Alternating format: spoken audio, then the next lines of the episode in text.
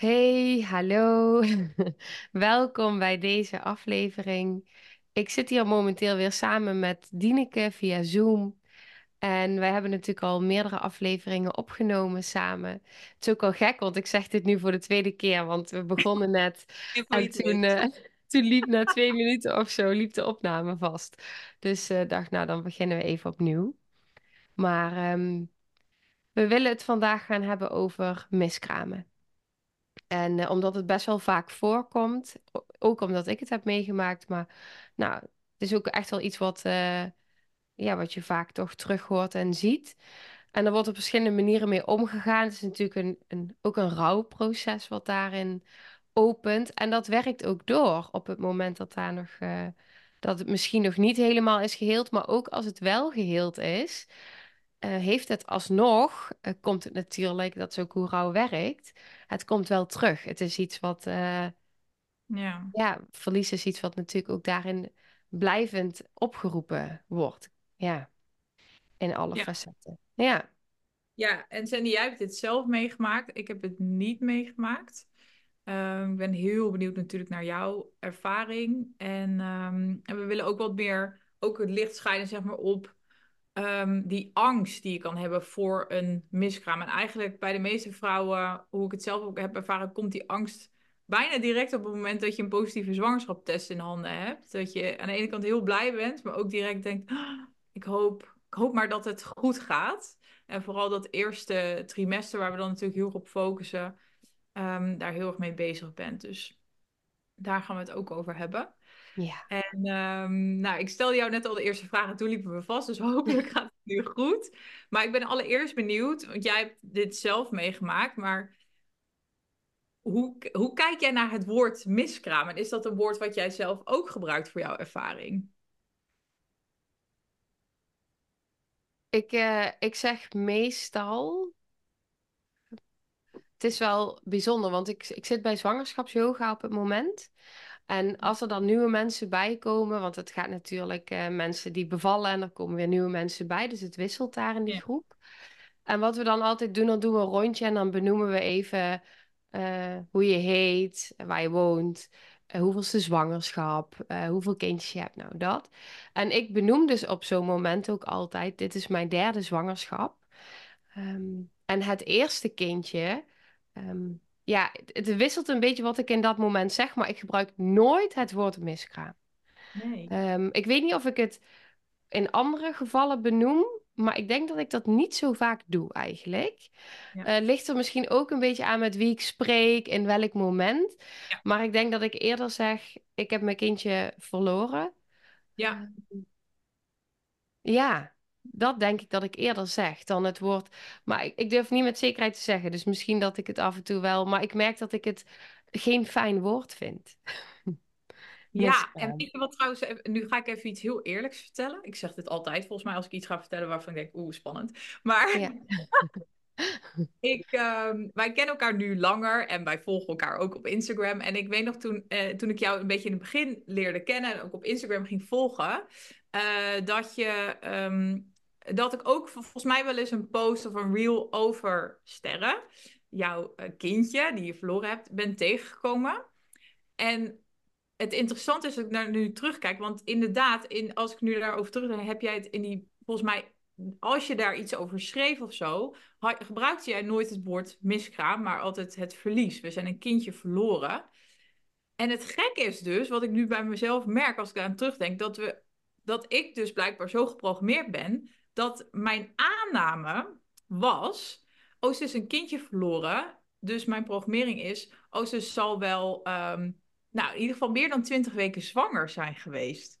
ja, Zo ja, bijzonder, want eh, bij het woord miskraam is mijn programmering, oh, dat is dan een soort van onder de, eh, binnen die twaalf weken gebeurd. En als ja. iemand zegt, ik ben een kindje verloren, oh, dat is dan... En dat voelt, ik ga nu even heel eerlijk zijn, dat voelt ook al bijna erger. Want een miskraam doen we altijd een beetje van, nou, dat, dan is het nog niet zoveel. Mhm. En als je een kindje verloren bent, dat voelt dan meteen veel erger. Want dat is dan al een groter, volgroeid kindje geweest. Terwijl als ik het zo uitspreek, slaat het helemaal nergens op. Maar ik vind het meer interessant om bij mezelf te realiseren dat ik blijkbaar die, die programmering heb. Ik denk heel veel mensen. Zeker, Ja. zeker. Ja, want het is bijna alsof we in de maatschappij leven. Nou, generaliseer ik het heel erg. Maar op het moment dat we een miskraam krijgen, om even dat woord te gebruiken, nou, dan, dan die dag zullen we niet op ons werk verschijnen. Want ja, dat, dan zit je natuurlijk Ja, helemaal in dat proces. ja, Maar de dag daarna zijn we er weer. En het gaat allemaal wel en het valt wel mee en we gaan door. ja, En wat ik vaak zie ook met mensen met wie ik werk, omdat het natuurlijk een thema is wat best wel veel leeft. En op het moment dat je voelt dat iemand het heeft doorleefd en ermee in verbinding is, dan, dan komen die dingen vaak ook naar voren. En dan zie je dat mensen dan pas tot de realisatie komen, soms 20, 30 jaar later. Wow, maar het heeft zoveel meer impact gehad dan dat ik dacht. ja, En dat het rouwproces dan pas op gang komt. Want het is echt een rouwproces. ja, Ehm, op dat moment. Van iets wat je, van een, een beeld wat je hebt gehad en hebt gevoeld en een verbinding die er was. eh, van hoe je ineens een toekomst voor je zag met, met een kindje, wat, ja, wat wegvalt, zeg maar. ja, precies. Ja. En het verlies ook, nou ja, wat je gewoon ook echt voelt daarin, ook vanuit je lijf. Ja, Dus, ehm, ja, maar ik, dus ik snap heel erg jouw aanname, want ik, ik merkte ook dat als ik daarover deelde, en dat ik dus ook benoemde van, hey, het is een verlies, dat ik ook daarin dat ook in mijn achterhoofd had van, oh, maar ik moet het wel goed verwoorden, zodat mensen ook begrijpen dat het dus inderdaad niet een kindje is van, eh, nou ja, wat al geboren was of van volledig gedragen, zeg maar. Dus die zat ook al ergens in mij.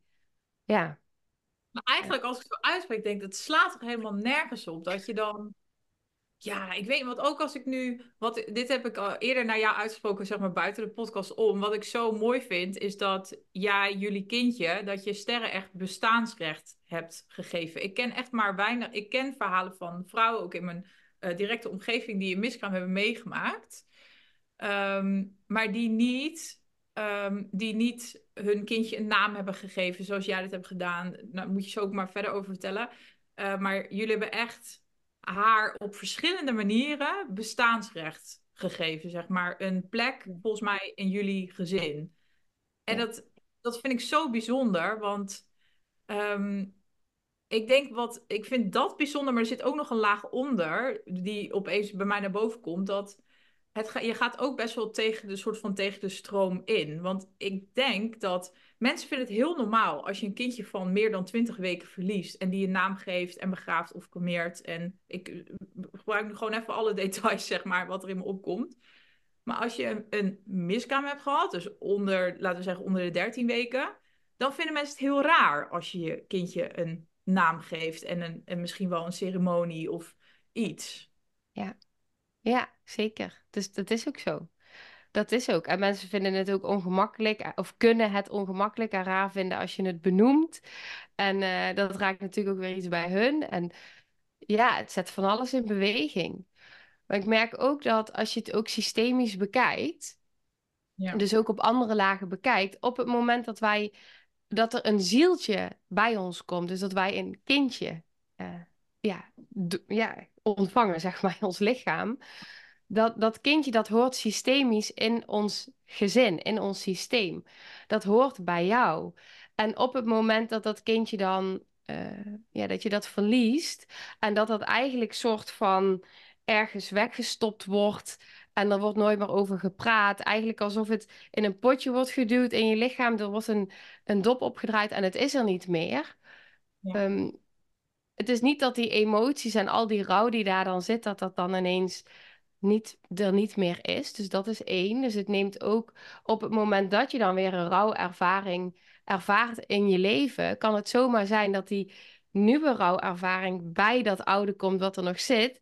En dat je dan ineens ook aan het rouwen bent nog voor dat kindje wat je bent verloren, zonder dat je het doorhebt.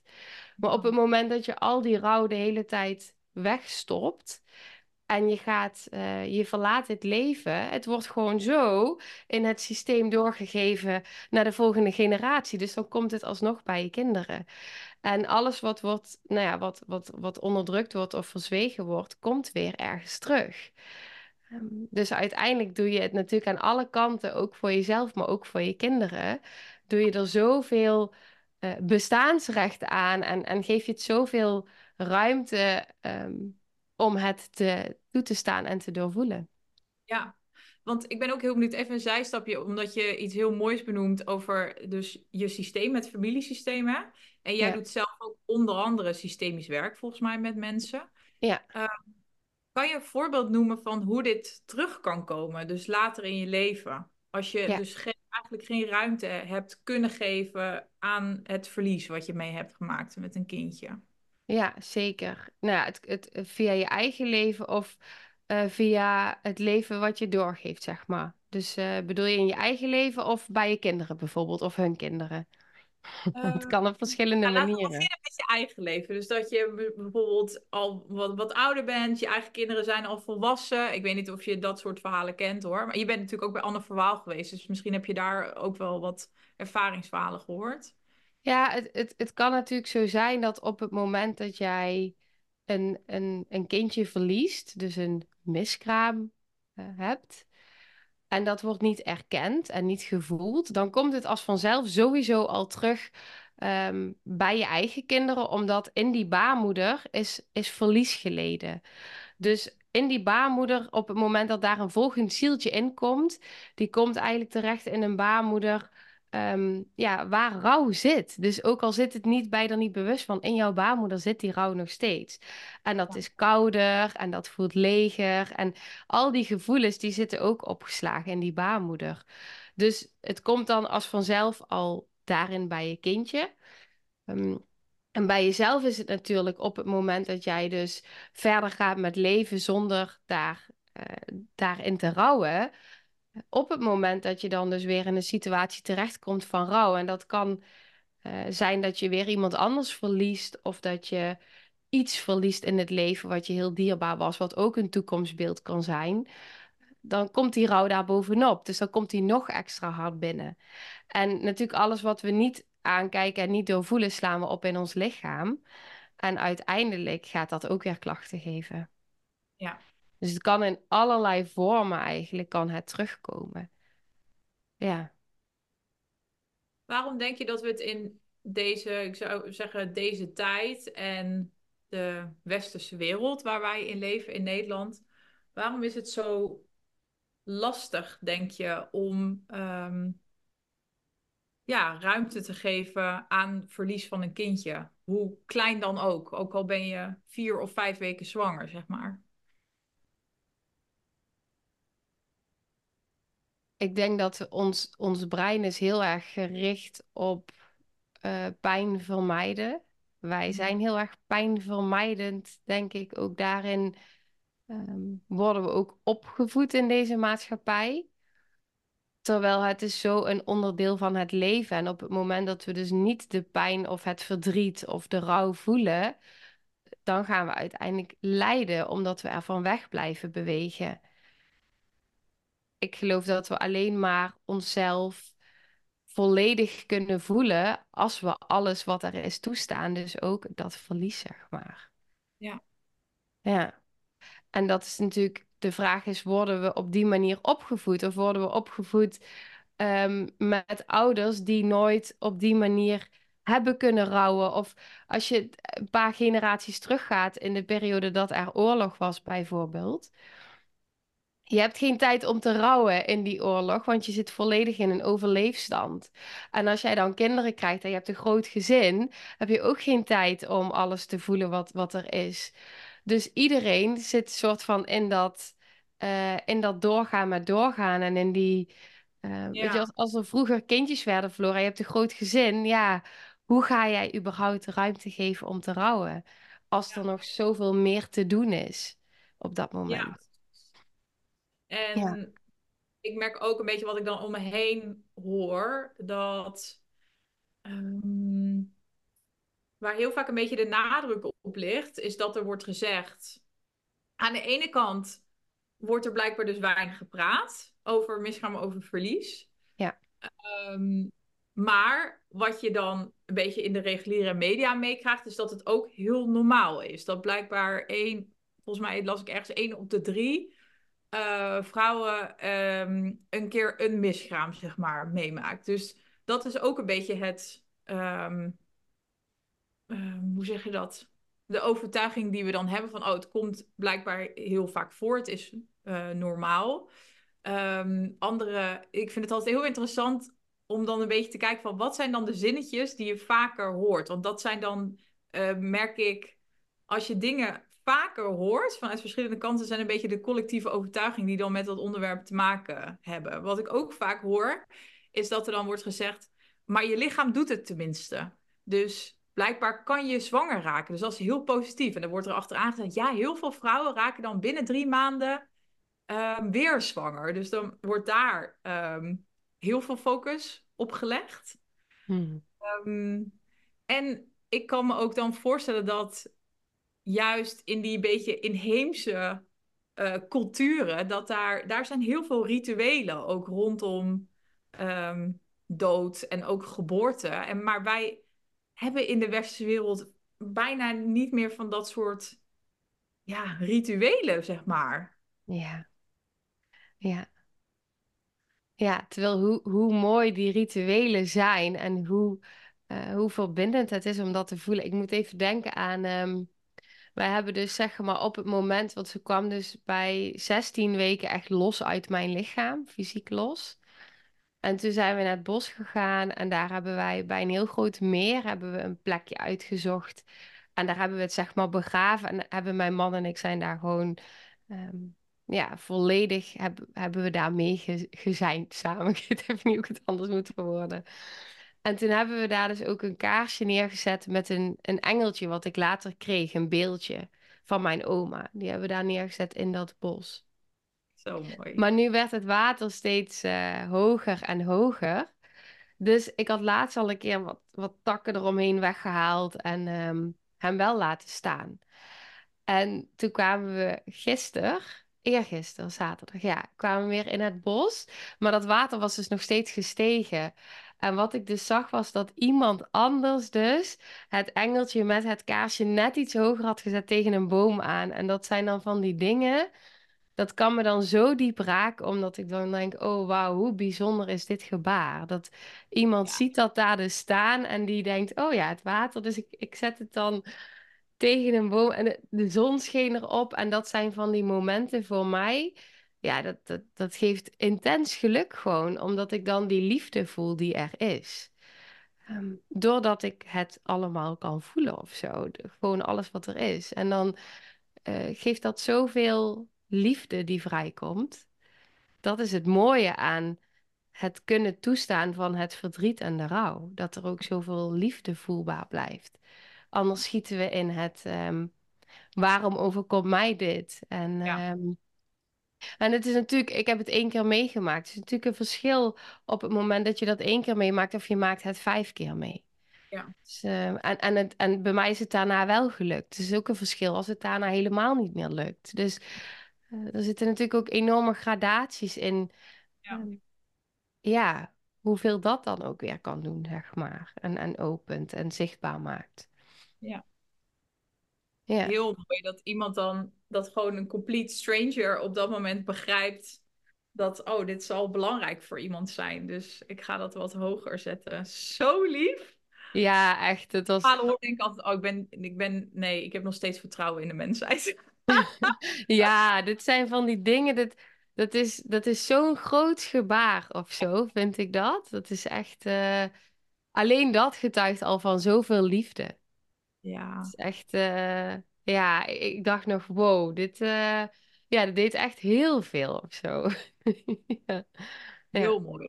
Ja, maar dat was dus ook, dat, dat is dan dus ook een soort van ritueel, omdat dan op ja. die manier zo samen, um, ja, je sluit het ergens ook een soort van, je rondt iets af. Um, het is nooit afgesloten, maar je rondt iets af en het krijgt gewoon een plek. En, ja. en dan is het zo. Um, het voelt dus al, al vrij snel ook daardoor zo doorvoeld. Het is niet dat ik daar. Um, ik ben daar wel op een bepaalde manier maanden mee bezig geweest. Maar uh, dat komt ook met golven of zo. Dus, ja. ja. Ja. Je vertelde net ook dat. Um, ik ken een beetje je verhaal al, maar ik denk dat het ook mooi is om daar nog wat dieper op in te gaan. Want jij hebt best wel een bijzonder proces, vind ik, doorlopen. Wat ook niet helemaal de norm is, denk ik. Mm -hmm. Want Sterre, je zegt Sterre is met uh, 16 weken geboren. Eh, maar Sterre was niet op dat moment 16 weken oud. Nee, Want klopt. het moment dat je erachter kwam dat Sterre niet meer leefde in jouw buik was al eerder, toch? Kun je daar iets meer over vertellen? Ja, ik weet dat het bij de tweede echo was. En ik durf dus niet met zekerheid te zeggen, want daar was ik laatst over nadenken. En dat is dus gek dat ik daar niet helemaal terug kan halen. Eh, zou ik wel terug kunnen luisteren hoor, in mijn aflevering, want ik heb daar toen een aflevering over opgenomen. Maar dat was ergens tussen de acht en de tien weken, geloof ik. Ehm, maar toen hoorde ik, toen hoorden we dus van het hartje klopt niet meer. En ik voelde me, was ik wel benieuwd naar. Had je, had je iets van een voorgevoel of ging je gewoon helemaal happy daarheen en ik voelde me super zwanger. Ja, ik was ontzettend misselijk. En ehm, ehm, ja, het, het, het voelde gewoon alsof ik nog heel erg zwanger was. Dus het was heel gek. Ja, Hmm. dus ik had ook geen, als ik, als ik zo, want het is ook wel, ik merk dat ik het moeilijk vind om dat terug te halen, precies. Ehm, maar voor mijn gevoel had ik het idee dat ik echt nog zwanger was en had ik niet het gevoel. Dat, dat, dus dat is wel ehm, ook wel interessant, ja. Hmm. Ja. Ja, dus toen, ehm, ja, ik weet wel wat ik daarna voelde. Want ik weet dus dat op dat moment dat ik ook echt, ehm, ja, dat, dat ik het gewoon meteen heb toegelaten. Alles, alles wat ik daarin voelde. Dus ik voelde, aan de enerzijds voelde ik meteen van, oké, het is helemaal oké. Dus ehm, je mag echt gaan en eh, dit, dit is de weg. Dus, eh, dus ik voelde daarin volledige acceptatie. En ook eh, alle, alle ruimte om daarin mijn, mijn verdriet en, en emoties toe te laten. En ik voelde heel sterk, want ik kreeg natuurlijk meteen op dat moment te horen wat de opties waren. Ja. Ehm, en toen voelde ik heel sterk, ja, ik wil dat, dat het vanzelf gaat. Dus mijn lichaam mag loslaten.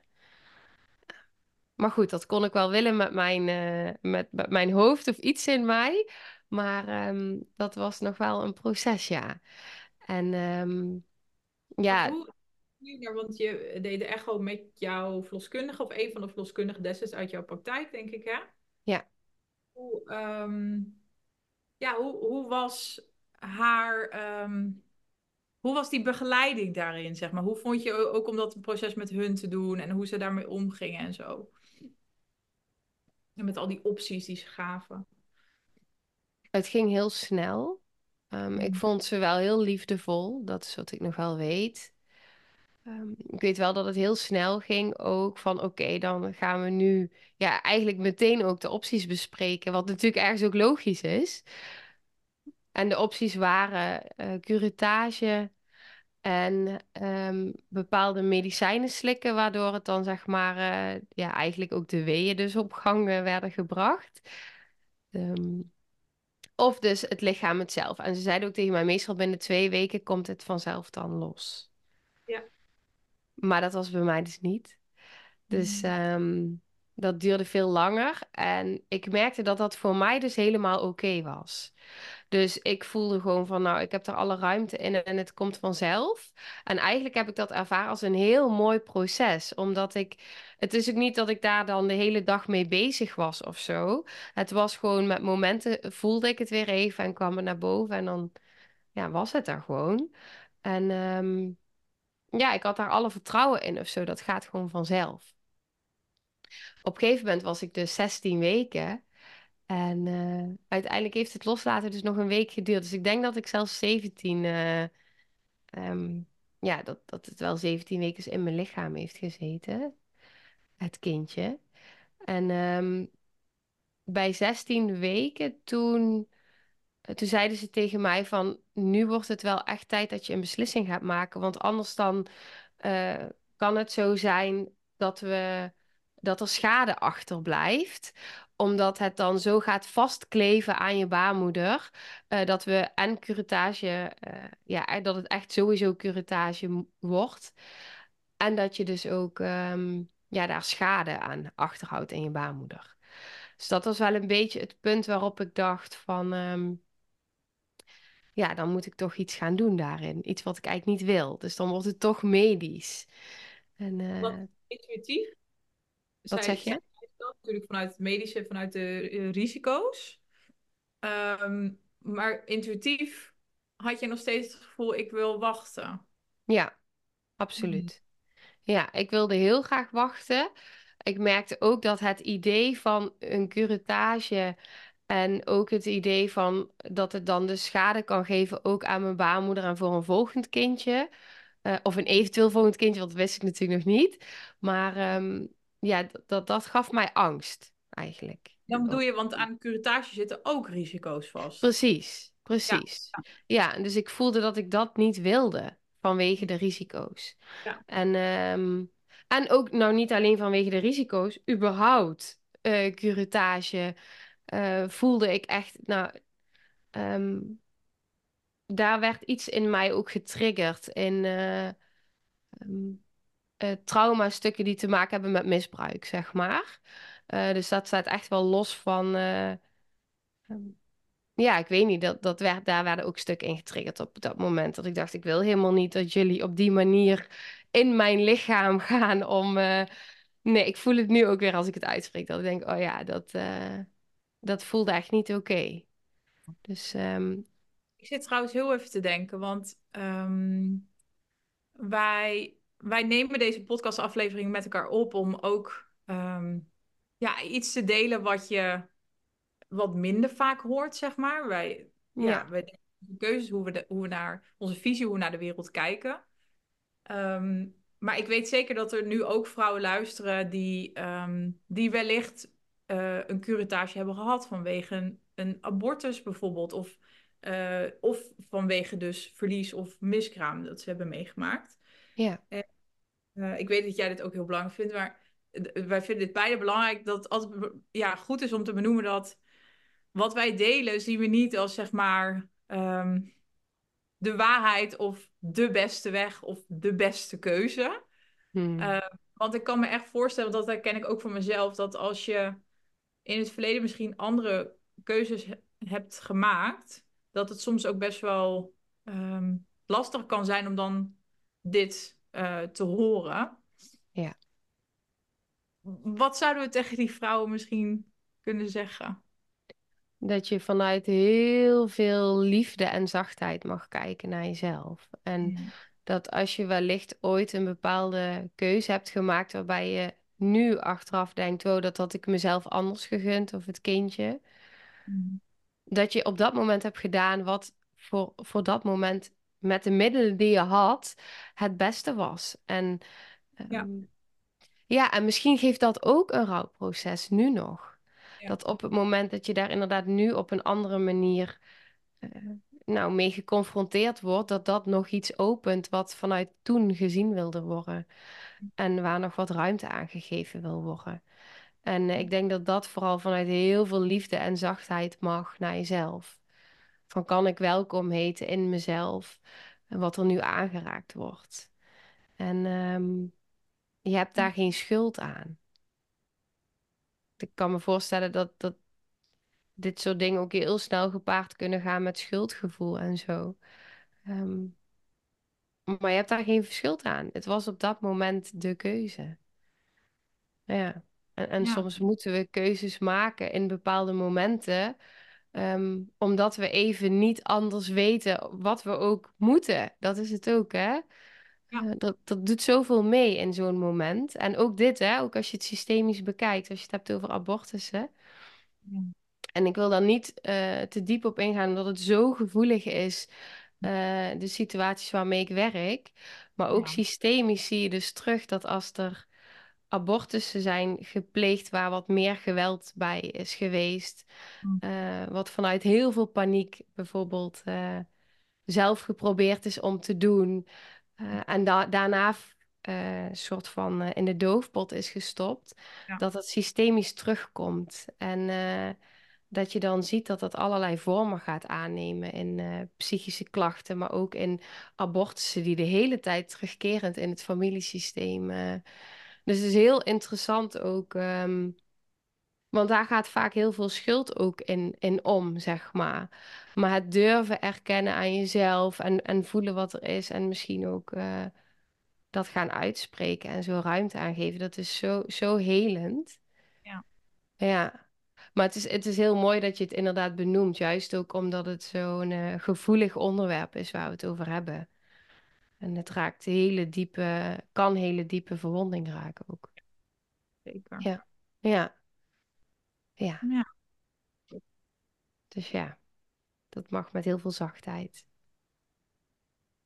En Ja. welke keuze heb jij uiteindelijk gemaakt? Ehm, ik heb dus de keuze gemaakt om, eh, om zo'n eh, een pil, een pil, ik kan het niet anders noemen, een pil te nemen. Ja, ja, in ieder geval een medicijn wat dus het, eh, het zou gaan eh, bevorderen. Ja. Het loslaten. En ehm, ja, wat er gebeurde was, ik ben super gevoelig. Dus ook als ik iets in, inneem, zeg maar. En ehm, mijn lichaam reageerde heel heftig. Echt zo heftig dat ik een weeënstorm kreeg van eh, vijf uur achter elkaar. En ik wist niet meer hoe ik moest ademen. Zo heftig was het. Dus eh, mijn man wist ook echt niet wat hij met mij aan moest. En ik kon, ik, ik kon geen enkele houding aannemen. Ik kon, ja, ik, ik, ik, ik, ik wist gewoon niet meer waar ik het zoeken had. Zo heftig. En ehm, ja, toen op een gegeven moment kwam er een moment, dus na vijf uur, dat ik dacht, ik trek het niet meer. Toen heb ik dus eh, gebeld. Denk naar de verloskundige, maar dat weet ik niet zeker. En toen eh, hebben ze me doorverwezen, in ieder geval naar het ziekenhuis. Dus toen ben ik daar naar de, eh, ja, volgens mij is dat dan de huisartsenpost of de eerste hulp, of in ieder geval daar ben ik heen gegaan met mijn man. En dat is een beetje het, het enige wat ik daar nog van weet. Dat is dus ook interessant. Dus ik denk dat ik daar best wel ook gedissocieerd ben op een gegeven moment. Het enige wat ik daar nog heel sterk van weet, is dat ik op een gegeven moment op de grond zat voor het bed. En dat er een, eh, een verpleegster naast mij zat en dat ik zei, ehm, hoe in, huilend, helemaal in tranen, maar hoe in godsnaam doen vrouwen dit? Ik kan dit al niet handelen, zeg maar. En dit is nog niet eens een echte bevalling. Ehm, en toen zei ze tegen mij, ehm, re- realiseer je hoeveel impact het heeft dat je nu ehm, weet dat, dat, er, dat, dat je kindje overleden is, zeg maar. Dat raakt me nu dus ook. Ja. Ehm, en, en dat het dus een heel ander gevoel is dat je weet, hé, hey, ik ga nu een kindje baren. eh, en dan heb ik eindelijk mijn kindje in mijn armen, zeg maar. Dus dat was zo lief dat ze dat tegen me zei, want dat betekende echt heel veel voor mij. Want ik voelde me op dat moment heel erg falen. Ja, dus ehm, ja, dat, eh, dat, dat raakt wel, Hmm. merk ik. En ehm, nou ja, ik verloor heel veel bloed, maar eh, ik, ik verloor niet sterren zelf. Dus op een gegeven moment toen kreeg ik weer een echo. En toen zeiden ze ook van ja, het is nog steeds, eh, nog, ja, het kindje zit nog steeds in je lichaam. Dus heel graag bij jou blijven, volgens mij. ja, ja, ja, ja, dat, oh, dat was wel een heftig, eh, ja, ja, ja, dat was echt even een proces. En ook Hmm. natuurlijk omdat ik het ergens niet wilde. Dus mijn lichaam wilde ook helemaal niet op die manier. En, eh, en dan zie je dus hoe het Nee. vasthoudt. Wat zeg je? speelde, dat, dat, dat kan me ook voorstellen dat dat ook meespeelt. Dat het misschien niet. Ja, dat, dat weet ik niet. Dat moet jij maar even vertellen. Maar dat het ook weer niet helemaal voelde als jouw keuze. Omdat je nog eigenlijk zoiets had van: ik wil misschien nog wel wat langer wachten. Ja, ik wilde eigenlijk gewoon dat eh, zij eh, zelf de keuze had.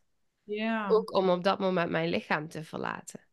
Ja. En ehm, ja, dat, dat, dat liep anders. Dus op een gegeven moment toen kreeg ik een paar dagen daarna weer eh, die medicatie. En toen kreeg ik daar ook volgens mij, als ik het goed zeg, morfine bij, maar dat weet ik niet zeker. Ehm, maar ook daar reageerde mijn lichaam niet goed op. Dus ik had toen een heel lage eh, dosis. En toen voelde ik echt van, nou, dit is echt niet, niet, niet, niet oké. Dit is niet fijn voor mijn lijf. Ook weer met mijn ademhaling. Ook heel interessant. Ehm, Ja, en, en toen waren we weer een paar dagen verder. Dus zo ging het de hele tijd. Dus het was echt, een, echt wel een heel proces. En ik weet dat er een moment kwam dat ik eh, in het bos liep in mijn eentje. En dat ik echt mijn armen de lucht in heb gestoken. En dat ik zei van nou, eh, kom maar, eh, dan maar een curettage. Als dit de bedoeling is, dan geef ik me volledig over aan eh, hoe het mag zijn. En ja, toen de volgende dag, toen, ja, toen, toen, toen kwam ze los. En toen konden we dus, ja, daar ook echt, ja, zijn we de hele dag eigenlijk daar ook mee in proces geweest. Dus ja, Dus dat is het ze uit zichzelf los. Ja, ja, uit zichzelf, ja. Oké, dit moet je me even uitleggen. Hoe denk jij dat dit kan? Ik denk dat ik op dat moment in een bepaalde overgave kwam. Dus eh, ook het feit dat ik zo sterk voelde van dan maar curettage. Als dat de bedoeling is, dan geef ik me daaraan over. Ik denk dat dat het moment is geweest dat mijn lichaam, dat mijn lichaam kon loslaten. Dat denk ik. Dat ik vanuit de, toch nog de angst die er was, eh, vanuit een bepaalde pijn, denk ik, die ik daar nog steeds in voelde ook eh, me Hmm, heb kunnen overgeven aan, eh, ja, aan, aan hoe het mag zijn. Ja, Wauw. ja, Ik moet ook direct denken, ik denk dat jij deze verhalen ook het- ik was echt mind blown toen ik dit voor het eerst hoorde, ook van Anna Verwaal uiteraard weer. Dat zij, ehm, eh, wij zijn echt fangirls van Anna Verwaal, mocht je nog niet gemerkt hebben. Maar Anna Verwaal is dus heel, hij heeft heel lang gewerkt, eh, volgens mij als, ehm, onder andere bij heel veel bevallingen geweest, geboorteconsulent, doula, ze doet echt van alles, ze doet onderzoek. Eh, maar ik heb, ik weet niet wanneer ik dit heb gehoord, maar ehm, dat zij ook heel lang zowel volgens mij abortusbegeleiding als miskraambegeleiding heeft gedaan. En echt vrouwen heeft begeleid in het, ja, dit klinkt misschien super bizar als je dit voor het eerst hoort. Ehm, dat zij echt vrouwen begeleidt in het, ja, hoe noem je dit? Het een soort van door een, proces, ja, een reis te doorlopen. Ik, ik noem het bijna spiritueel. Dat Hmm. dus die, die kindjes, de zieltjes, maar ook de lichaampjes, zeg maar, een soort van ehm, spontaan loslaten. Dus dat daar helemaal geen medische ehm, hulp bij en pas komt. En ik heb ook al ge- eh, ook gehoord dat dit dus in die, ehm, bij die inheemse stammen, volgens mij bij de Indianen bijvoorbeeld, dat dit dus dat dit heel normaal is. Ja, dus eigenlijk, om hem heel concreet te maken, dus op het moment dat je erachter komt dat je zwanger bent en Ja, voelt van nee, dit, dit kan nu echt niet, mijn relatie is net uit, of, of het was, nou, het was niet eens gewenst, of welke vorm dan ook, het kan niet in dat moment, eh, dat je dan dus inderdaad met je kindje in gesprek kan gaan en kan zeggen ehm, alles wat je daarin wil zeggen, en dat het kindje dan dus zelf kiest om, eh, om los te laten. Dus om een miskraam te worden, om het maar even ja, zo. eh, eh, dat, dat, dat dat dus echt, ja, zij inderdaad, zij deelde dat zij daar echt veel ervaring mee heeft. Dat het dus zo kan werken. Dat je het kindje dus zelf kan vragen om te gaan. Ja, zo bijzonder. Ja, misschien als je dit hoort, ik, je zal er vast wat van vinden. Maar ik vond dat. Ik, ja. ik wil puur even op het stuk focussen. Wat ik er zo bijzonder aan vind, is dat. Ehm, wij hebben natuurlijk in deze tijd en in de wereld, vooral de westerse wereld waarin wij leven, is er een complete scheiding, zeg maar, tussen je hoofd en je lichaam. En daar hadden wij, Sandy en ik net ook, eh, we hebben heel lang voorgesprek gehad. Maar een beetje over dat het, de, ehm, het narratief is dat je, je lichaam eigenlijk, je lichaam niet kan vertrouwen, dat je lichaam eigenlijk een soort van kapot is, in heel veel gevallen. En dat er alleen maar, dat dingen alleen maar opgelost kunnen worden door dus ehm, eh, binnen het medisch systeem. Dus bijvoorbeeld met medicatie of ingrepen of interventies of iets dergelijks. Nou, dat kan je, dat kan je op heel veel, heel ver doortrekken. Maar ik vond het echt mind-blowing toen ik dit hoorde, dat ik dacht, wauw, je kunt dus eigenlijk zijn mensen zo ontzettend geniaal. Zeg maar, ons systeem, ons lichaam zit zo ontzettend geniaal in elkaar. En als je dat begrijpt, dan is er, ehm, ja, dan, dan is er echt veel meer mogelijk op een andere manier. ehm, dan je nu misschien denkt. Dat. Toch? Ja, maar dat is het. Dat is eigenlijk precies ook ehm, als je hem vergelijkt met mijn ervaring. Ik heb dus twee keer gewoon die tabletten geslikt. Ehm, die zorgen voor dat het, dat het gewoon loskomt. Die heel sterk waren. Want dat heb ik gevoeld toen mijn wee reageerde en mijn, mijn baarmoeder reageerde. Maar pas op het moment dat, dat ik er dus blijkbaar klaar voor was. eh, op een andere laag kon, kon het dus eh, op die manier gaan. Dus ja, het is, het is zo bijzonder hoe wijs eh, ons lichaam is. En, ehm, en ook het, onze baarmoeder zelf is. En, en ons überhaupt alle organen in ons lichaam zijn.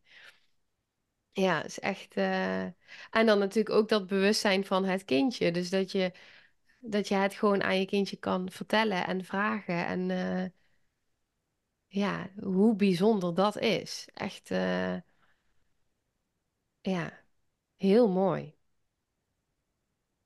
Hoe zouden we... Ja, wat wou je Sorry. zeggen? Nee, jij moet hem even afmaken. Maar de wereld, wilde je zeggen? Ja, hoe zou de wereld er dus uitzien? Inderdaad, dat op het moment dat we dus zo'n ervaring zouden hebben, dat we, dat we zwanger worden en dat we dus allemaal eh, in een wereld leven waarin we weten, hé, hey, ehm, ik, ik kan dit dus aan mijn kindje vragen, ik kan met mijn kindje in gesprek en eh, ik hoef niet meteen als eerste eh, daarvoor dus inderdaad eh, iets buiten mezelf nodig te hebben. Ehm, want het zit allemaal in ons, ook dit. Ja. Ja, dat, ik, ik vind dat fantastisch. Ik vind dat geniaal. Oh, we zijn Ja. weer aan het vastlopen. Ja, ik zie het, ja. Ik zie dat Weer, je we zijn er weer. Yes. Kom op. fijn. Even opbouwen. Ja. Mijn internet, denk ik. ja, ja. En wat wou jij zeggen? Weet je dat nog? Ja, waar ik ook benieuwd naar ben. Ik probeer altijd zo een beetje zo van die vragen in mijn achterhoofd te hebben waarvan ik denk van, oh ja, dit, dit denken vrouwen vast als ze ons gesprek luisteren. Hmm, ja, mooi. En het zijn ook heel vaak vragen die ik dacht, zeg maar, toen ik voor het eerst zwanger was of daarvoor. Ehm, ik heb ook een hele reis qua bewustzijn hierin afgelegd. En ik zou vier jaar, ik denk als ik een, een miskraam zou meemaken, even vier, vijf jaar geleden, dat ik op dat moment gelijk had gedacht, en ik weet dat heel veel vrouwen dat hebben, het moet er zo snel mogelijk uit, het moet weg. Ja. Want we vinden dat, we vinden dat heel moeilijk. En jij hebt uiteindelijk ehm, ja, tot 17 weken met. ehm, oh, loop je vast? Nee. Zijn er weer? ja, het gaat goed. De sterren is bij jou gebleven tot 17 weken zwangerschap. En ehm, dus ik kan me voorstellen dat je zelf, dus ook een, dat het een heel proces is, ook een hele reis. Zeg maar, wetende dat je zwanger bent, maar ook dat het kindje in je buik niet meer leeft. Ja. Wat heeft, ja, laten we het een reis noemen, wat heeft die reis jou uiteindelijk gebracht?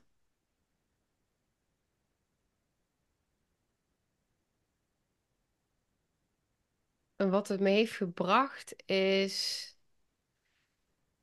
het kunnen zijn met wat er is.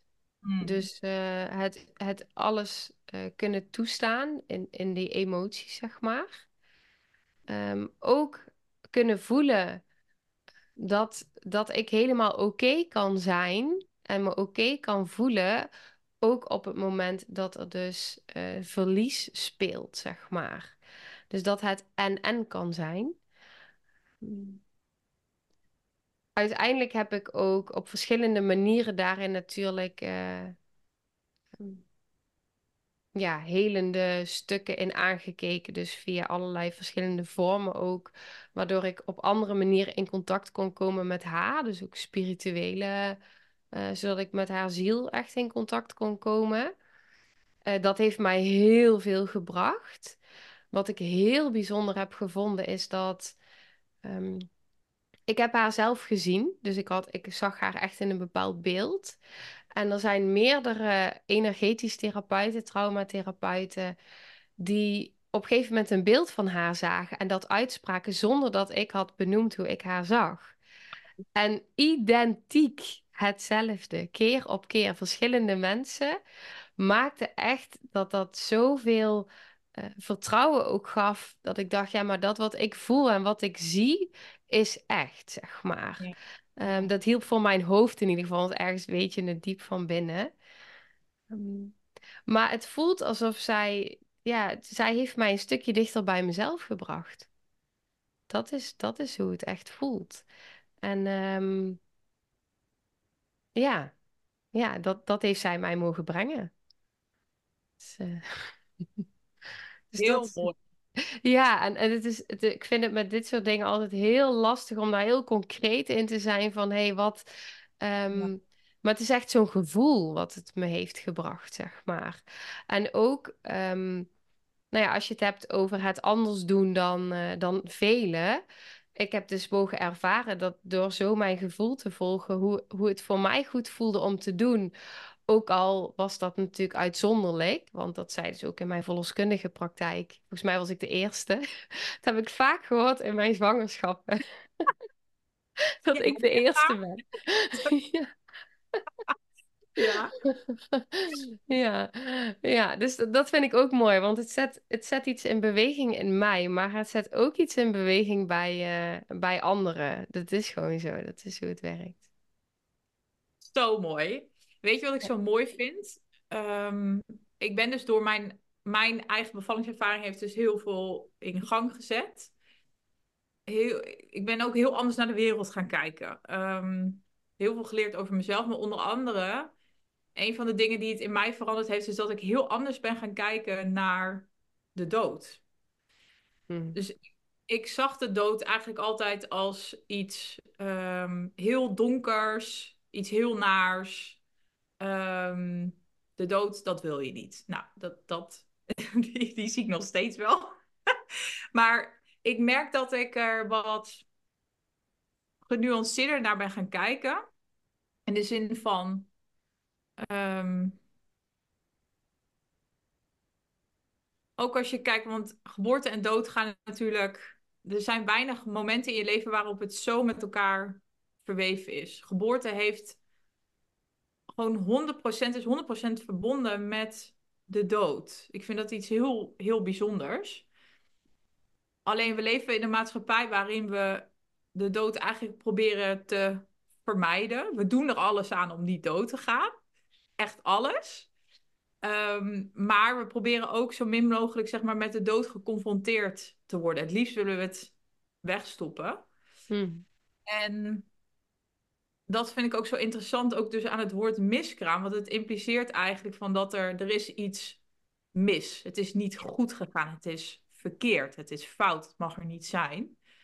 Dat. Zo hoe ik inmiddels dus naar de dood en ook naar het leven kijk, is dat eh, ik kijk ook naar als in, je komt als een ziel ter wereld en ehm, je kan ook reïncarneren. Ehm, je komt ook soms weer terug. Ehm, maar het is niet zo dat iedereen die naar deze wereld komt als ziel, ehm, tot dat iedereen honderd hoort te worden, zeg maar. Nee, precies. En dat er, ehm, dat voor elk, ik weet niet of je het een plan kan noemen, maar ehm, elke ziel heeft een soort van andere bestemming. En voor sommige zielen duurt dat 100 jaar. Voor sommigen 60, voor sommigen 20 en voor sommigen ehm, twee weken in eh, de baarmoeder van zijn of haar moeder, zeg maar. Ja.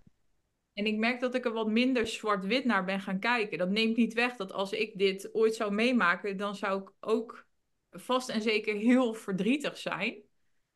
Maar ik merk alleen al doordat ik anders ben gaan kijken naar het ja, concept de dood. Hm. En ook dus naar het leven. Dat het voor mij wel een heel stuk angst heeft weggenomen. Ook bij deze zwangerschap. Wij zijn allebei op dit moment zwanger. Ehm, want die eerste keer was ik dus als de dood voor een miskraam. Dat was, ik was daar constant mee bezig. Elke dag. Wat als niet goed Mm. gaat. Niet goed gaat. Ja. Dus het- ja, ook een kindje wat maar een paar weken in jouw buik heeft geleefd, ehm, mag er zijn, mag bestaansrecht hebben en is niet iets, er is niks mis, er is niks verkeerd of fout, zeg maar. Ja, mooi. Ik krijg ook hele tijd kippenvel als ik, als ik je daarover hoor spreken. Juist ook omdat het zo... eh, Ja, dit, als je het zo kan bekijken, inderdaad, eh, dat heeft mij ook enorm veel geholpen. Dan bekijk je het vanuit zo'n, zoveel vertrouwen en zo'n groter geheel. Eh, wat nou als het inderdaad precies de bedoeling was dat het zieltje hier voor acht of negen of eh, tien weken kwam en dat ze deze ervaring mocht hebben in mijn baarmoeder met alles wat er was. Want Ehm, mijn baarmoeder en mijn lichaam is niet traumavrij. Daar, daar zit van alles nog opgeslagen. En dat, dat is ook wat, wat zij eh, op dat moment heeft gevoeld. En misschien was dat de ervaring die haar ziel wilde komen doen op deze aarde. En ehm, ja, en, en dat voelt voor mij ook inderdaad. eh, wij hebben he- de verwachting en het beeld dat we een bepaalde leeftijd moeten worden. Maar wat nou als onze ziel iets heel anders van plan Ja, heeft? En kunnen wij dat met onze mind nu nog niet zien? Het helpt heel erg, tenminste, dat is ook hoe, hoe mij heel erg helpt continu in al dit soort ervaringen, om zo ernaar te kunnen kijken. Ja, dat geeft vooral vertrouwen ook. Heel erg. En ehm, de quote die, waar ik heel van heb gehad de afgelopen vier jaar, zeg maar, in mijn proces, en wat echt mijn complete manier van kijken naar het leven heeft veranderd, is volgens mij is die officieel van Tony Robbins. Maar dat is, ehm, life is always working out for you. Wat er ook gebeurt. En wij denken vaak dat als het positieve dingen zijn, dan, leeft, dan werkt het leven voor ons. En als er iets verdrietigs gebeurt, dan hebben we het gevoel dat het leven ons tegenwerkt. En ik merk door, want inmiddels ben ik daar echt heilig van overtuigd. En ik merk dat het me zo ontzettend helpt. In even breder dan alleen maar, zeg maar bevallen en een zwangerschap. Maar in elke situatie die ik moeilijk vind, waar emoties bij komen kijken, om te denken: ja, maar het leven werkt altijd voor mij. Ook eh, dit, ook al is het nu misschien moeilijk, gaat me weer iets brengen, zeg maar. Ja, en dan kom je ook bij liefde. Want ook Mm. als je op deze manier kan omgaan met verlies, in welke vorm dan ook, dan, dan ontstaat er ook ruimte om het vanuit liefde te kunnen bekijken en te voelen. En dan geeft het ook zoveel heling waar je dan ook staat. Ja.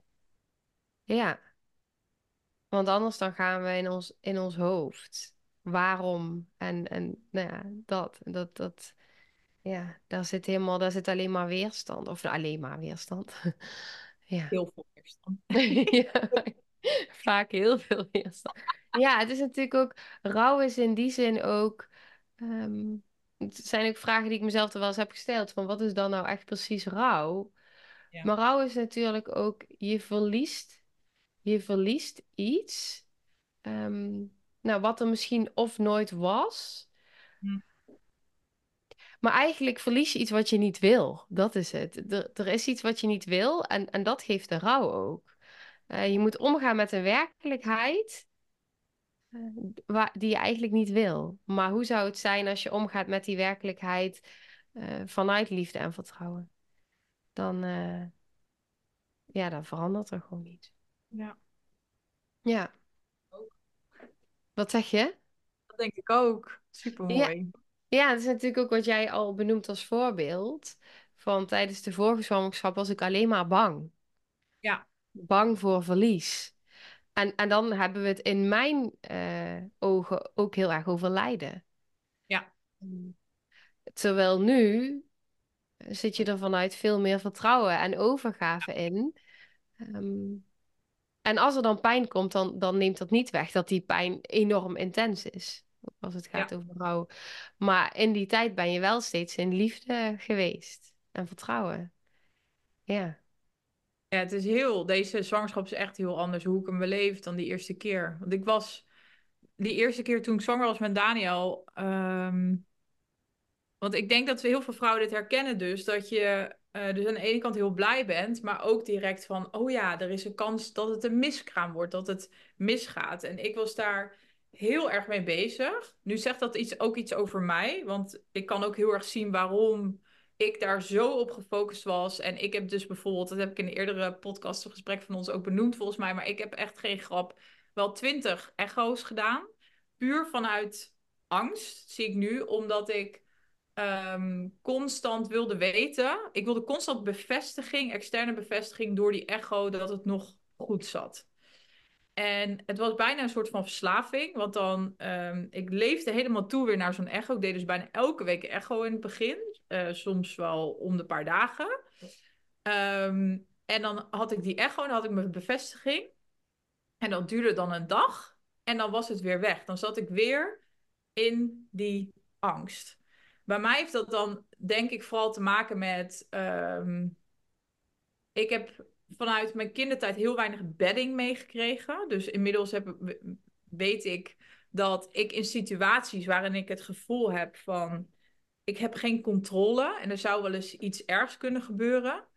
Um, heb ik het gevoel alsof er letterlijk dus de grond onder mijn voeten wordt weggeslagen en ik een soort van um, helpless. Ik voel me heel dan hulpeloos.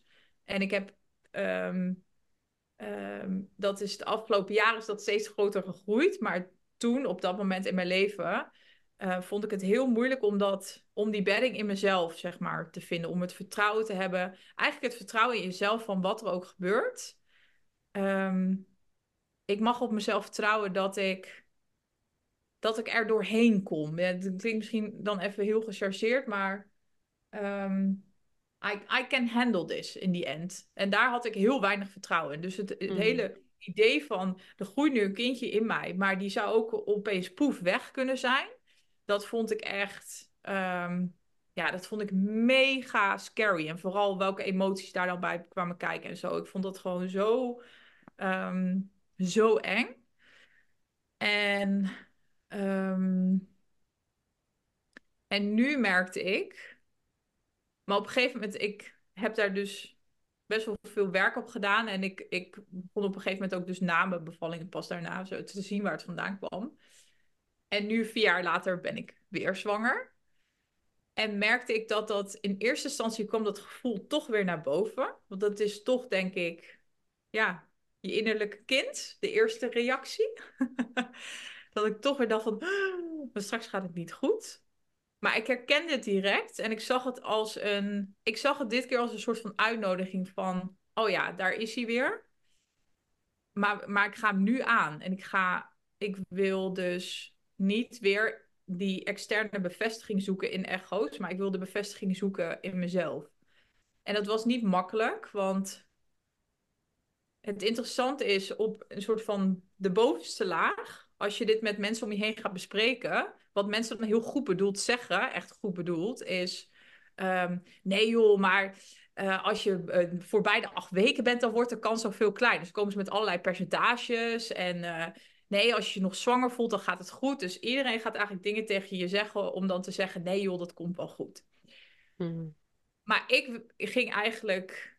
Um, ik heb dat dit keer ook niet gedaan. Ik heb ook niet bij anderen heel erg constant bevestiging lopen vragen. Wel een beetje hoor, maar ik, ik, ik was me daar heel bewust van. En ik ben vooral de diepere laag ingegaan om te kijken van... Je kan gewoon niet voorkomen dat er... Want dat is ook het leven. Het leven is leven en dood. Dus ik heb in principe geen controle of mijn zieltje ja, bepaalt om maar een paar weken in mijn buik te wonen, zeg maar. Um, dus ik wilde het eigenlijk beide scenario's een soort van omarmen. Ik heb vooral heel erg gefocust op. Ik wil het allerliefst dat je bij me blijft. Maar als dat niet zo is, dan is dat oké. En dan ga ik het echt wel moeilijk vinden en verdrietig. Um, maar ik wil dit proces gewoon aangaan. Ik wil het vooral vanuit vertrouwen aangaan, maar dan niet een soort van vertrouwen van, oh, het komt wel goed, alleen maar daarop focussen. Is ook wel belangrijk.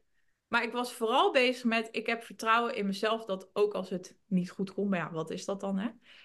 als het zieltje toch mijn lichaam verlaat, mijn buik verlaat, mijn baarmoeder verlaat, dat, ehm, dat dat ook goed is en dat het goed komt, dat ik dat aan kan.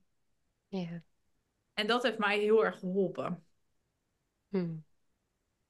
Ja, en het mooie daarvan is ook dat je daardoor ook ruimte geeft om eh, te hechten ook echt aan je kindje. Mm. Echt vanuit die liefde, zeg maar, eh, al te durven hechten. Want dat is natuurlijk ook de vraag, en ik weet niet hoe dat bij jouw vorige zwangerschap was, en ook bij degene die zich hier wellicht in herkennen, maar durf je echt te hechten eh, als er zoveel angst is voor het verlies, zeg maar. Ja, het is mooi dat je zegt, want het, het gaat over durf je je onvoorwaardelijk te hechten. Hmm, ja. Ja. Ja. Durf je onvoorwaardelijk te hechten, wat, dan de, wat er ook gaat gebeuren, zeg maar. Ja. Ja. Precies. Ja, en dat is natuurlijk ook, ja, dit, dit gaat gewoon, die, die liefde die we voelen en de liefde die we geven, ehm, ja, daar, daar kan verlies bij komen. Alleen de vraag is op het moment dat we inderdaad dat niet meer durven, wat heel begrijpelijk is, eh, maar is er dan echt ruimte voor die echte liefde? Ja. In het moment zelf, maar ook bij het moment van verlies. Ja. Ja. Ja. En ik vond het niet makkelijk. Hmm. Eerlijk zeg, want ik merk ook als ik het uitspreek, ik merk dat er dan gelijk een gedachte bij mij naar boven komt die zegt: Ja, maar eigenlijk nodig je je kindje nu uit om weg te gaan. Zeg maar, dan ben ik even heel eerlijk. Ehm, dat vond ik het me dat was voor mij het meest, dat vond ik echt het meest moeilijk aan dit proces. Het voelde heel kwetsbaar of zo om het uit te spreken, omdat ik dan, dat mijn angst ook nog een soort van was. Ja, maar nu, nu, nu ja, bijna een beetje van dan geef je eigenlijk een soort van vrijbrief aan het kindje om te gaan. Klinkt heel gek, maar dat vond ik heel spannend hieraan. En Ja, nog steeds, ook als ik het nu uitspreek, terwijl ik ben nu 15 weken zwanger. Maar ja, Ja, en dit gaat natuurlijk ook echt over hechting. Dit gaat Ja. zo over hechting. Want ehm, op, op het moment dat ik niet alle controle vasthoud en er alles aan doe dat iets of iemand bij mij blijft. Hè, dus ehm, durf ik dan diegene alle ruimte te geven om te voelen: hé, hey, maar ik wil bij jou zijn. Ik wil blijven, zeg maar. Ja. Ja, en dit gaat veel dieper natuurlijk dan alleen deze zwangerschap. Ehm, Hmm, ja, ja, absoluut. ja, ja, ja, ja. Dus dat, dan zit je meteen op die diepere lagen en eh, hele jonge delen. Ja, Ja. Hmm. Het is denk ik heel helpend om. ehm, het is heel helpend om te durven die een beetje die diepere laag in te gaan. Ja. Want kijk, op die bovenste laag heb ik vorige keer, en dat is ook helemaal oké, dat neem ik mezelf ook niet kwalijk. Ik kijk er niet kritisch naar, ik heb er geen spijt van. Maar de vorige keer bleef ik heel erg op de laag van constant. ehm, ik, ik zocht constant externe bevestiging. En dat kan, maar ik merk nu dat het zoeken van die externe bevestiging is eigenlijk altijd een soort van emmer zonder bodem of een emmer met gaten erin. Hoeveel water je er ook ingooit, loopt er altijd aan de onderkant weer uit. Want je gaat niet naar de kern. Je gaat niet echt naar de kern, zeg maar, die diepere laag. Ja, en inderdaad, wat je daar ook in benoemt, is wat ik daar dan eigenlijk in zie. Ik weet niet hoe dat voor jou voelt, maar als je hem dan na heel veel jaren terugpakt, zeg maar, dus naar je kleine ik eigenlijk, ehm, is dat misschien ook wel iets wat, wat je daarin herkent. Van het eh, heel erg buiten mezelf zoeken, die bevestiging en eh, die veiligheid. En eh, nu heb je in deze, in deze hele zwangerschap mogen ervaren van hé, maar wacht, ik doe het anders dan ik tot nu toe altijd heb gedaan. En heb geleerd misschien of wat ik zo ken. Dus daarin zit naast het feit eh, hoeveel dit brengt in de zwangerschap voor jou en je kindje, eh, hoeveel brengt het alleen al voor eh, Mm. jouw eigen volwassen zijn en de heling voor die kindsdelen in jou ook. Ja, dat resoneert heel erg.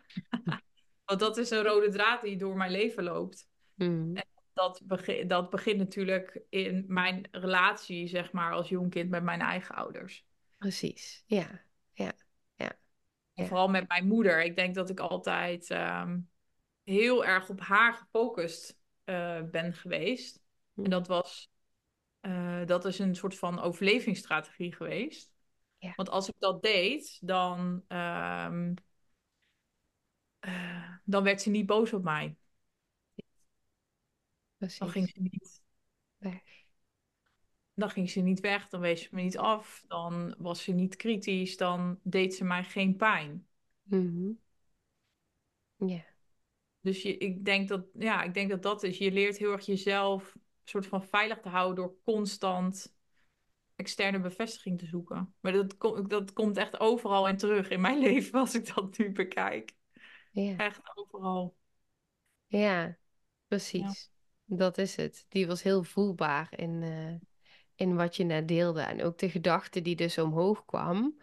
eh, van, eh, oh god, dan geef ik het kindje eigenlijk een vrijbrief. ja, Maar dat was een gedachte, ehm, natuurlijk vanuit die hele jonge delen ook. ja, Die dan denken van, ja, maar dan, dan, dan verlaat je mij. Als ja. ik dat niet doe wat ik altijd heb gedaan. Ja, het Ja, precies. Ja, ja, ja, dat is echt, eh, het is zo mooi dat je dat voor jezelf doet. Deze processen zo eh, aangaat. En ook voor je kindje natuurlijk. Ja. Ja, dat denk ik ook. En daarom, eh, Mhm. daarom vind ik het ook zo leuk om deze gesprekken met jou te hebben. Want toen ik mijn eigen reis hierin begon, ehm, toen miste ik dit heel erg. Gewoon dit soort, dit soort ervaringen. Om dit Mm. te horen. Op een, ja, ik weet niet, op een, een wat andere manier. Die diepere laag. Ja, we zeggen het heel vaak, de diepere laag. Ja. Maar op een diepere laag naar dit soort, ja, hier naar kijken. Ja, precies. Het is ook zo, tenminste, dat is mijn ervaring ook, dat op het moment dat je zo die een, net een andere weg gaat bewandelen dan de, ehm, ja, de, de standaard, de zaakje standaard weg, of dat je het anders gaat doen dan anderen het doen, eh, dan kan dat soms ook echt wel voelen als een, een eenzame weg, omdat je, eh, ja, je komt wel steeds dichter bij jezelf en je, je wordt steeds meer je authentieke zelf. Dus het geeft superveel. Alleen, ja, het is ook wel, eh, ja, je bent niet een van de velen, zeg maar. eh. Nee, en wat je zegt, dat herken ik heel erg over die eenzaamheid. Want ik voel me soms ook echt. Ik zei het laatst al tegen iemand. Ik voel me soms echt een beetje een, een alien of zo, weet je wel. En ehm, soms, ga ik daardoor dus ook heel erg twijfelen. Hm. Omdat soms kan ik echt in een soort van, ik weet niet, ehm mind loop zitten. Waarin ik dan echt begin te denken, maar misschien ben ik gewoon gek. Ja, ja, Gewoon gek. En dat ik, en ja, dat je dan, ja, ik kan dan opeens, dat heb ik niet heel vaak, maar als ik dan even niet zo lekker in mijn vel sta, dan kan ik dan heel erg gaan twijfelen. Ik merk nu ook weer in, dus in deze zwangerschap en dat ik heel veel andere keuzes maak. Ehm, en dat ik, ik praat er ook bewust eigenlijk niet over met mensen in mijn omgeving waarvan ik weet ehm, dat ze dingen gaan zeggen waar ik niks aan heb, die ik niet begrijpen. Dat is ook helemaal oké, want ik hoef anderen niet te overtuigen. Mensen maar hoeven mij niet te begrijpen. Ehm, op een diepere laag heb ik daar natuurlijk wel behoefte aan, maar ik merk wel dat het me heel erg helpt om dus vooral met mensen te praten waarvan ik weet, ehm, ehm, we zitten een beetje op dezelfde golflengte. Dat, mij helpt dat wel heel ja, erg om bewust ook en niet dat ik, nee, niet, ja, niet dat ik al mijn vriendschappen ben geëindigd of zo, absoluut niet. Maar ja, ik heb wel met de een andere gesprekken dan met de andere. En het helpt, ehm, dat, dat helpt wel heel erg om daar bewust een beetje je mensen in om te- op te zoeken. Want anders ga je, ja, tenminste dat heb ik, heel, ook heel erg aan jezelf zitten twijfelen. Hm, zeker. ja, het is heel herkenbaar wat je zegt. Ja, dat is ook zo. Het is eigenlijk ook zo, ja, iets in mij wil nu zeggen nodig. En dan zegt iets anders in mij van nee, het is helemaal niet nodig. Maar het Ja, is, ehm, ja, het is in ieder geval heel fijn. En eh, heel eh, dienend ook in je proces. Dat er mensen zijn waarbij je weet van, oh ja, maar wacht eens. eh, daarbij, eh, die voelen het, die weten het en die zien het. ja, zonder dat ik, als ik iets deel, gek aangekeken word of voel van, oh god. Ehm, ja, dat is het. Er zijn mensen die daarmee in verbinding zijn met zichzelf op die manier. En dan heb je zo'n andere gesprekken ook. ja. Ja, ja, dat is Ja, zo fijn. zegt, dat aan de ene kant nodig, aan de andere kant niet. Die herken ik ook. Want aan de ene kant denk ik, ik heb bijvoorbeeld in wat ik eh, deel mijn podcast over, ehm, eh, over de tweede keer bevallen na een eerste negatieve ervaring. Ik heb het heel veel over het begrip onvoorwaardelijk ruimte innemen, zeg maar. Hm. Eh, de, en want aan de ene kant denk ik, dat is natuurlijk ideaal. Dat in welke situatie je ook bevindt, wie er ook bij zijn, dat je onvoorwaardelijk je ruimte kunt innemen. Met dat wat met jou belangrijk, of wat voor jou dan op dat moment belangrijk is, of je behoeftes uitspreken. Maar aan de andere kant zijn we ook gewoon mensen met allemaal een innerlijk kind, met bepaalde behoeftes. En is het nou eenmaal makkelijker om onvoorwaardelijk ruimte te kunnen innemen bij mensen waar jij je heel veilig en vertrouwd bij voelt?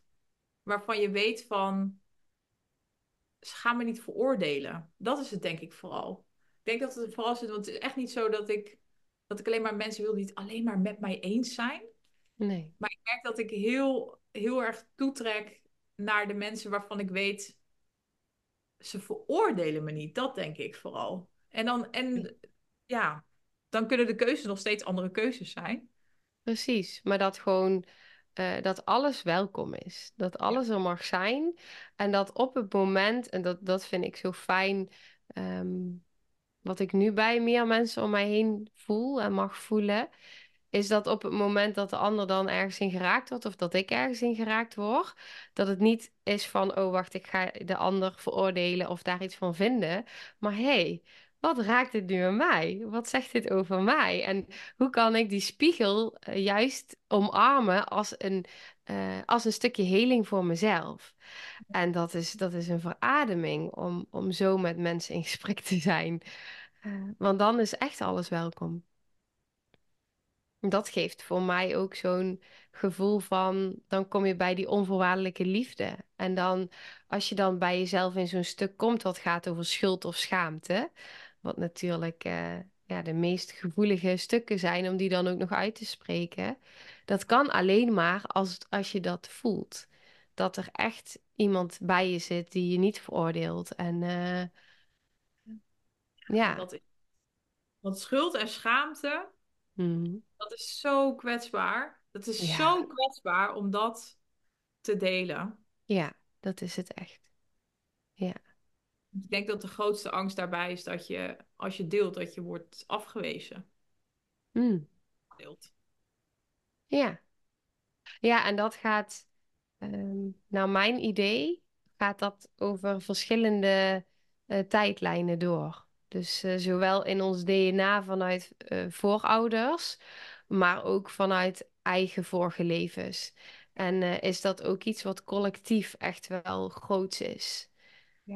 Dus ehm, ja, dat we echt denken dat we Nou, bij wijze van eh, op de, op de brandstapel. Nee, maar ja, dat je echt. Aan de heksjacht, eh, die tijd. ja, ja, ook. Er zitten natuurlijk veel, veel stukken in. Maar ehm, ja, ik denk dat we nu in een wereld leven waarin er steeds meer zichtbaar wordt op dit Ja. moment. Steeds meer. Kunnen, ja, mensen kunnen minder goed wegkijken. Ja. Ehm, ja. Oh ja, wel, misschien moeten we hier ook een aflevering over maken, want daar zit ik ook direct over na te denken. Ik geloof echt dat echt mega veel vrouwen dat collectieve stuk van wat we hebben meegemaakt tijdens die heksjachten. Hmm. Oh, je kan ook echt uren over praten. Maar ik denk ook heel kort dat zoveel vrouwen dit nog in zich hebben in hun systeem. Misschien heb ik dit al eens eerder benoemd, maar anyhow. ik had het hier ook laatst met een vriendin over.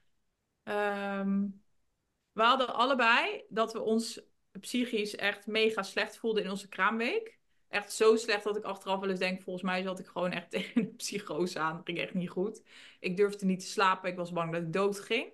Echt wel echt hele heftige angsten had ik. Maar ik durfde tegen niemand te zeggen, want ik was bang dat ze zouden denken dat ik gek zou zijn en dat ze mijn baby zouden afpakken.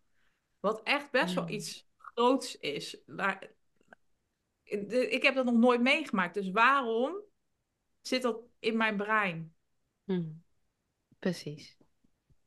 Dat komt ergens vandaan. Zeker weten. Ja. En ik ben niet de enige, weet ik inmiddels. Ik heb dit verhaal vaker gehoord, dat vrouwen echt eh, bang zijn, vooral als je zo kwetsbaar bent, net na je bevalling, maar ook tijdens je bevalling.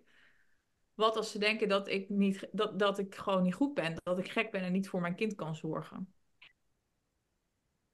Dat komt ergens vandaan. Ja, zeker. Interessant om daar inderdaad nog een keer een eh, aflevering over op te nemen. Ja, heel interessant. Want het gaat ook over. ehm, ehm, hè, dat, dat raakt ergens iets. En dat is wel weer een, net een iets ander thema. Maar toch voel ik dat die ergens ook iets raakt. Wat ook heel erg gaat over eh, je stem bevrijden. Ehm, ook tijdens je bevalling, zeg maar. Ik ben daar nu zelf mee bezig in een traject ook. Ehm, dus super interessant. Maar wat daar dan ook weer aan imprints naar voren komen van jezelf eh, echt laten horen. En eh, Ja. ja, ik weet niet, op een of andere manier zijn we dan ook bang dat we, of laat ik het bij mezelf houden, eh, ja, dat, dat we gek zijn of wat dan ook. Mogen we in onze volste kracht gaan staan? En eh, die, die volste potentie en kracht helemaal, eh, ook als dat betekent dat je inderdaad af en toe even het gevoel hebt dat je gek wordt of in een psychose komt. Nee, je staat gewoon meer open. Er komt veel meer in je bewustzijn. Dus eh, dat vraagt even wat ruimte. En dat, dat, dat zet Oh, laten we aan het hierover hebben. Want ik vind dit zo interessant. Ja. Ik heb zo vaak gesprekken bijvoorbeeld met vrouwen die zeggen: Ik kon de pijn niet handelen. En dat Mm. ik ze heel vaak vraag: Kon jij doen wat je. Kon je je laten horen op een moment? En niet iedereen gaat schreeuwen, hè? Maar dat schreeuwen, daar zit zoveel taboe op. Het geluid maken tijdens je bevalling. Maar het is niet alleen maar angst, het, is, het wordt letterlijk tegen ons gezegd. Hoe Ja. vaak ik vandaag nog op een account van Vrije Geboorte dat iemand een DM had gestuurd. Waarin ze zei: In het ziekenhuis werd er tegen mij gezegd: Je mag geen geluid maken. Dit is niet normaal. Dit is niet oké. Ja. Er wordt gewoon tegen vrouwen gezegd dat ze hun bek moeten houden. Ja, Freaking bizar. Ja, ja, ja, dat te luid. Maar dit is ook een soort van. Dit is ook iets collectiefs, weet je wel? zeker. Ja, Good. Niet, Ja. niet, niet te veel ruimte innemen. Niet te veel je- jezelf, jezelf laten horen. En dat is het. En dat gaat precies terug naar waar ook deze aflevering begon, om hem daar even op terug te pakken. Als jij inderdaad, ja, maar als jij gaat staan voor het feit, ik heb een miskraam, hè, dat even dat verschrikkelijke woord, want ik vind het nu inmiddels een verschrikkelijk woord. Ja, ik ook merk aan het einde van de aflevering. Verlies. Laten we het verlies noemen. Ja, dus het verlies. Ehm, mag jij die ruimte innemen Ja. Om daar, om, om daar, ja, om daar helemaal mee te zijn. En daar ook een stem aan te geven. Ja. En uit te spreken van ik heb een kindje verloren. En of dat nou was bij twee weken, twintig weken, twee jaar. Ik heb een kindje verloren. Ja. En, en dat doet iets. Ja. Punt. Ja. En, eh, en, en mag, mag je daar ruimte aan geven? En mag je je stem daar ook aan geven? En, en, en dat is, dat, dit zit dan natuurlijk veel meer op, ehm, op dingen die niet bewust worden genoemd, maar die wel heel voelbaar zijn overal. Heel Ja. veel. Echt. Precies. Echt een heel, een heel mooie afronding. Want het is inderdaad van... ehm, neem ruimte in om het verlies, om met het verlies om te gaan op een manier die voor jou werkt. Wat het dan ook is. En ehm, of los van of andere mensen dat, wat ze daarvan vinden, of ze het raar vinden of niet. Mm. eh, ook hierin mag je inderdaad ruimte innemen. Ja, precies. Voor jezelf, voor je kindje, voor je gezin, voor je toekomstige kinderen. Ehm, ja, en, en ook voor anderen eigenlijk. Ja. Ja. Ja, ik wilde zeggen fucking mooi. Misschien moeten we hem daarmee afsluiten. Ja, heel mooi. Dankjewel. Ja. Ja, en natuurlijk ook eh, de luisteraar. Jij ook dankjewel voor het luisteren en voor het kijken. En, eh, laat vooral een eh, berichtje achter als je wil. Dus voel je vrij. Ja, als je wil reageren of je hebt vragen of iets dergelijks, stuur Sandy of mij gewoon een berichtje via Instagram. We proberen volgens mij steeds in, in beide show notes even elkaars accounts ook te benoemen. En ehm, nou ja, elke keer als Sandy en ik een aflevering hebben opgenomen, dan komen er dus wel weer nieuwe onderwerpen op. Dus inmiddels is er een soort van lijstje. Maar mocht je nou zelf onderwerpen hebben waarvan je denkt van nou, daar ben ik wel benieuwd naar. ehm, hoe jullie daarnaar kijken, wat jullie visie daarop is, dan laat het ons vooral ook weten. Zeker. Ja, mooi. Nou, dankjewel. Doei doei.